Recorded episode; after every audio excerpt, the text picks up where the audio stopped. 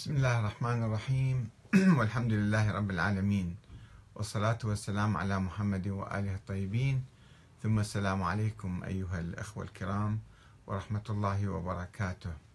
ومرحبا بكم في برنامج أنت تسأل وأحمد الكاتب يجيب. آه، السؤال المقدم إلينا هو يا أحمد الكاتب هل أنت من القرآنيين وما رأيك بهم؟ وجوابي على ذلك إذا كان عمر بن الخطاب قرآنيا فأنا قرآني. في الحقيقة يعني بعيدا عن التسميات والألقاب والتنابز ببعض الألقاب أنا أعتقد لا يصح واحد يعني الإسلام واحد كلنا مسلمين إن شاء الله. ولكن يعني بعض الناس يميلون إلى مثلا التمسك بالقرآن. أولا وبالحديث ثانيا. البعض عبر التاريخ الإمام الشافعي مثلا اعتبر الأحاديث الصحيحة هي أيضا وحي ثاني وبالتالي ساوى بين الوحيين الوحي القرآني ووحي الأحاديث رغم أن الأحاديث مثلا آه، يعني ظنية الصدور.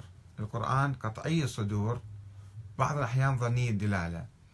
الأحاديث قد تكون قطعية الدلالة ولكنها ظنية الصدور. ما ندري أكيد النبي قال الحديث ولا لا. والصحابة الأوائل كانوا يرفضون النبي نفسه روايات عندنا أن كان يرفض تسجيل الأحاديث مالته كلامه. يقول سجلوا القرآن فقط لا تسجلون كلامي. وبالتالي عندما بدأ بعض الصحابة أبو هريرة مثلا أو غيره كان يعني يرون أحاديث آه، عمر بن الخطاب منعهم. وأيضا يقال أنه جمع بعض الأحاديث أن كان موجودة عند بعض الناس حوالي أبو بكر أيضا جمع بعض الأحاديث وأحرقها أنه أحاديث النبي لا تروى فقط القرآن يروى. وعندنا السنة العملية. السنة العملية متواترة. يعني الصلاة ركعتين الصبح أربعة الظهر هذه موجودة بالقرآن. المغرب ثلاث ركع كذا هذه سنة عملية متواترة. أكيد ما أحد يخالف بها ولا أحد يناقش بها ولا أحد يشك فيها. فإذا هذه نمشي عليها. الحج كذا الصوم كذا هذه الأشياء العبادات واضحة. أما أحاديث النبي فمن أول يوم هناك كلام ينسب إلى عمر أيضا أنه قال كفانا كتاب الله. هذا طبعا الشيعة يروه ويحتجون فيه وينتقدوه. يقولون يعني أنه ما نريد أئمة ما نريد نص بالإمامة. أنه قال هذه الكلمة في عنده يعني آه، عند احتضار الرسول وأراد أن يكتب كتابا. أتوني بقلم آه، ودوات حتى أكتب لكم كتابا لن تظلوا بعدي أبدا. وصار في نقاش وكذا فعمر قال كفانا كتاب الله. هسه الرواية هي جاية عن ابن عباس. رواية واحدة ما يمكن نعتمد عليها كثير في الحقيقة. آه، ولكن هكذا يقال أنه كفانا كتاب الله. والسنة النبوية العملية هي شارحة ما فيها إضافات على كتاب الله. ما فيها شيء جديد يعني تضيف حكم جديد أو صلاة جديدة أو مثلا عبادة جديدة. بعد ذلك المسلمين آه، صاروا يجيبون أحاديث أنه مثلا الخلافة في قريش. قال رسول الله الخلافة في قريش. والصلاة في الحبشة والأذان في الحبشة والما شنو كذا. يعني أحاديث صار فيه موضع شك ونقاش. الخوارج الذين خرجوا على الإمام علي وصاروا بعدين الإباضية كانوا يرفضون كثيرا من الأحاديث. ما يقبلون الأحاديث من هذه آه، سياسية بها هوى سياسي ودوافع سياسية سواء أحاديث الشيعة أو أحاديث الأمويين. أحاديث تختلق. أني تارك فيكم الثقلين كتاب الله وعترتي. من هم العترة ما تعرف العباسيين يروون الرواية هذه. وبعدين الشيعة أخذوها من عندهم. إيه فشي مجهول. عترة من هي عترة عشيرة يعني كلها. شنو المقصود من النبي في الكلام أيضا فإذا أكو كلام كثير حول أحاديث النبي. السنة يرفضون بعض الأحاديث الشيعة يرفضون بعض الأحاديث الإباضية يرفضون أحاديث الشيعة والسنة. وكان كلام كثير حول يعني الشك في الأحاديث. الإمام أبو حنيفة والمعتزلة في أواسط القرن الثاني الهجري أيضا كانوا يشكون بالأحاديث كثيرا ما يعتمدوها. و آه، يعني إلا المتواتر وهي ما تتجاوز مثلا بضع عشرات من الروايات مو أكثر. آه، الإمام مالك عندما جمع كتابه الموطأ جمع فيه في البداية عشرة آلاف حديث. ثم بدأ كل سنة ينقح هذا الكتاب إلى بعد عشر سنوات تقريبا كاد أن يقضي عليه. ما بقي يقولون إلى 500 350 حديث اللي أقرهن هو في في النهاية.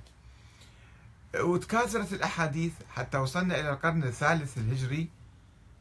600 700 ألف حديث يروى عن النبي. كانت تتناسى الأحاديث تتكاثر.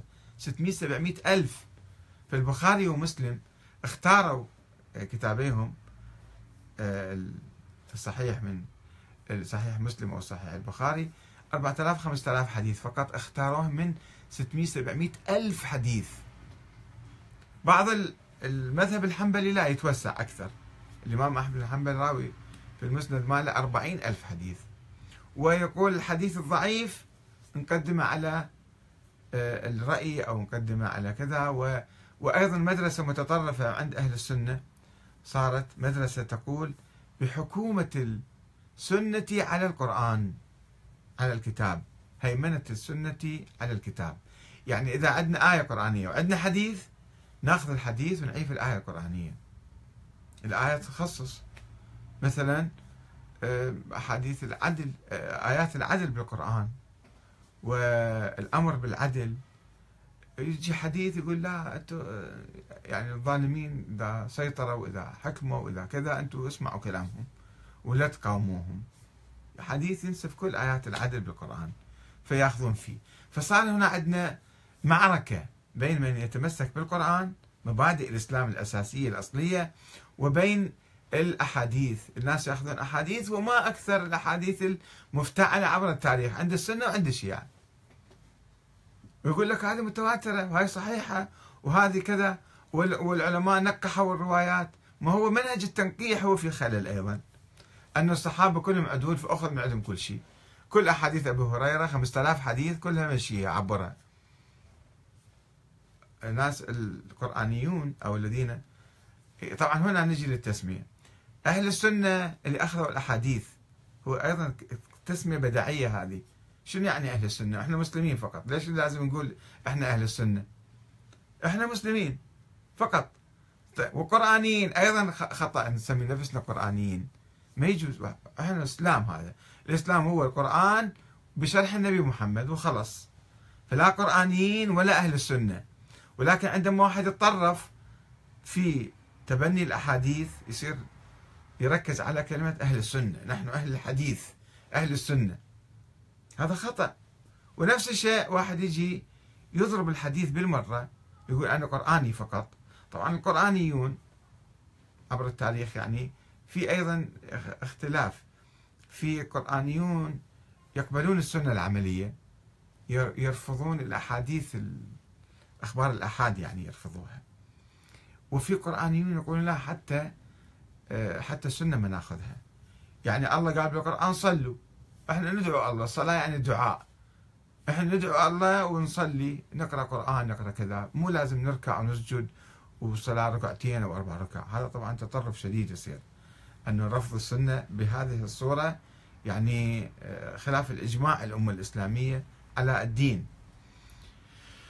وهؤلاء قد يكونون قليلين يعني ليسوا يعني أكثر شيء ولكن أكثر شيء القرآنيون يطلق عليهم الذين يرفضون الأحاديث. وهاي خلال القرن التاسع عشر خلال القرن العشرين آه، يعني صار عندنا حركات في الهند خصوصا وباكستان آه، اشتغل يعني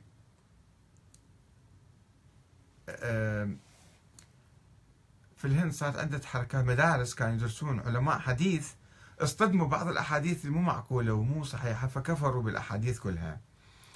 مثل ما ينقل عن آه، عبد الله جكرالوي في باكستان. كان يشتغل بدراسة الحديث ثم اصطدم بالعديد من الشبهات حوله فتوصل في النهاية لإنكار كافة الحديث وأن القرآن هو ما أنزله الله على رسول محمد. وأسس جماعة تسمى أهل الذكر والقرآن. التي دعا من خلالها إلى أن القرآن هو المصدر الوحيد لأحكام الشريعة وألف بذلك كتبا. بعدين اجى أحمد الدين أيضا واحد من تلامذته مؤسس جماعة أمة مسلمة هم نفس الشيء. وبعدين غلام أحمد برويز في هندو باكستان دولة لهم أتباع كثيرون ويدعون إلى وعنده هذا مجلة أحمد برويز آه، طلوع الإسلام. آه، وآخر شيء في آه، مصر الإمام الشيخ محمد عبده أيضا كان يدعو إلى تنقيح الأحاديث أو نبذ الأحاديث كثيرا. والشيخ محمود أبو رية أيضا كتب كتاب أضواء على السنة المحمدية. فقال أنه السنة فيها وضع مشكلة كبيرة في من البداية يعني من تعديل الصحابة جميعا اللي بدأنا ناخذ أحاديث. يعني مشكلة في في الترجيح والتعديل وأنه إذا فتحنا النافذة واسعة فتجينا أحاديث كثيرة. ثم آه، الشيخ محمد عبده ومدرسته استمرت في مصر الشيخ محمود شلتوت وأيضا الشيخ مرتضى المراغي شيخ الأزهر في الأربعينات كانوا يميلون لهذا الشيء. في الآونة الأخيرة في السبعينات آه، الدكتور الشيخ الأزهري الشيخ آه، أحمد منصور أحمد صبحي منصور كان يدرس في الأزهر. عام 77 واصطدم بعلماء الدين السنة من الصوفية والسلفية وبعدين صارت معركة وياه واضطهدوه وفصلوه من العمل ودخل السجن سنة 87 ثم خرج إلى 2002 خرج إلى أمريكا وأسس أهل القرآن مدرسة أهل القرآن مقابل أهل السنة يعني كيف أهل السنة؟ أهل القرآن. والشيء الرئيسي اللي عندهم أنه الأحاديث ما يقبلوها بكثرة. وفعلا يعني بحاجة إلى تنقيح. مو فقط نقول العلماء السابقين نقحوا الأحاديث ونقبلها لا. لازم نشوف منهجيتهم في التنقيح كيف كانت. عموما يعني هذه مدرسة موجودة. حتى عند الشيعة مثلا صححوا أو انتقدوا كثيرا من الأحاديث. أربعة أخماس الكافي أو خمسة أسداس الكافي. طيروها ولا يزالون ينتقدون الأحاديث ويعودون إلى القرآن. وطبعا السنة النبوية العملية مشتركة بين الشيعة والسنة ما فيها خلاف كبير. إنما الكلام عن الأحاديث اللي تطلع بعدين مع مرور الزمن. حتى صارت المرجعية هم جزء من الدين مو بس الإمامة جزء من الدين. المرجعية هم جزء من الدين والمرجعية هذا دينه باطل. وأعماله كلها باطلة إذا ما يقلد أحد. هذا منين جايبيه؟ دائما هناك حركة اختلاق وفبركة للأحاديث لا تنتهي يبدو مو بس من أيام الزمان الأولى مستمرين بها حتى اليوم. فنحن نعود إلى القرآن الكريم والسنة النبوية العملية الثابتة لا شك وما عدا ذلك عندنا العقل. نستخدم عقلنا في آه، التشريعات الجديدة على ضوء القرآن والسنة. هذا مختصر. مفيد يعني ولا بحث موسع مفصل لا أريد أن أطيل عليكم اليوم. والسلام عليكم ورحمة الله وبركاته.